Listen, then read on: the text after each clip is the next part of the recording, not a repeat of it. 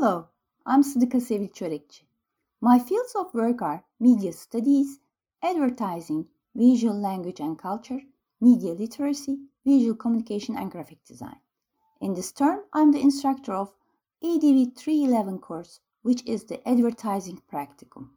The main purpose of this course is to enable students to manage the entire campaign process for a particular product or service or to focus on a particular detail in the process in question. It is aimed to make different advertising practices in different semesters. Therefore, a practicum made in any semester may not be repeated. As course content is advertising practices for a specific product or service. If you have any questions about this course, please don't hesitate to send me an email. Hope to see you in my class. Thank you for listening.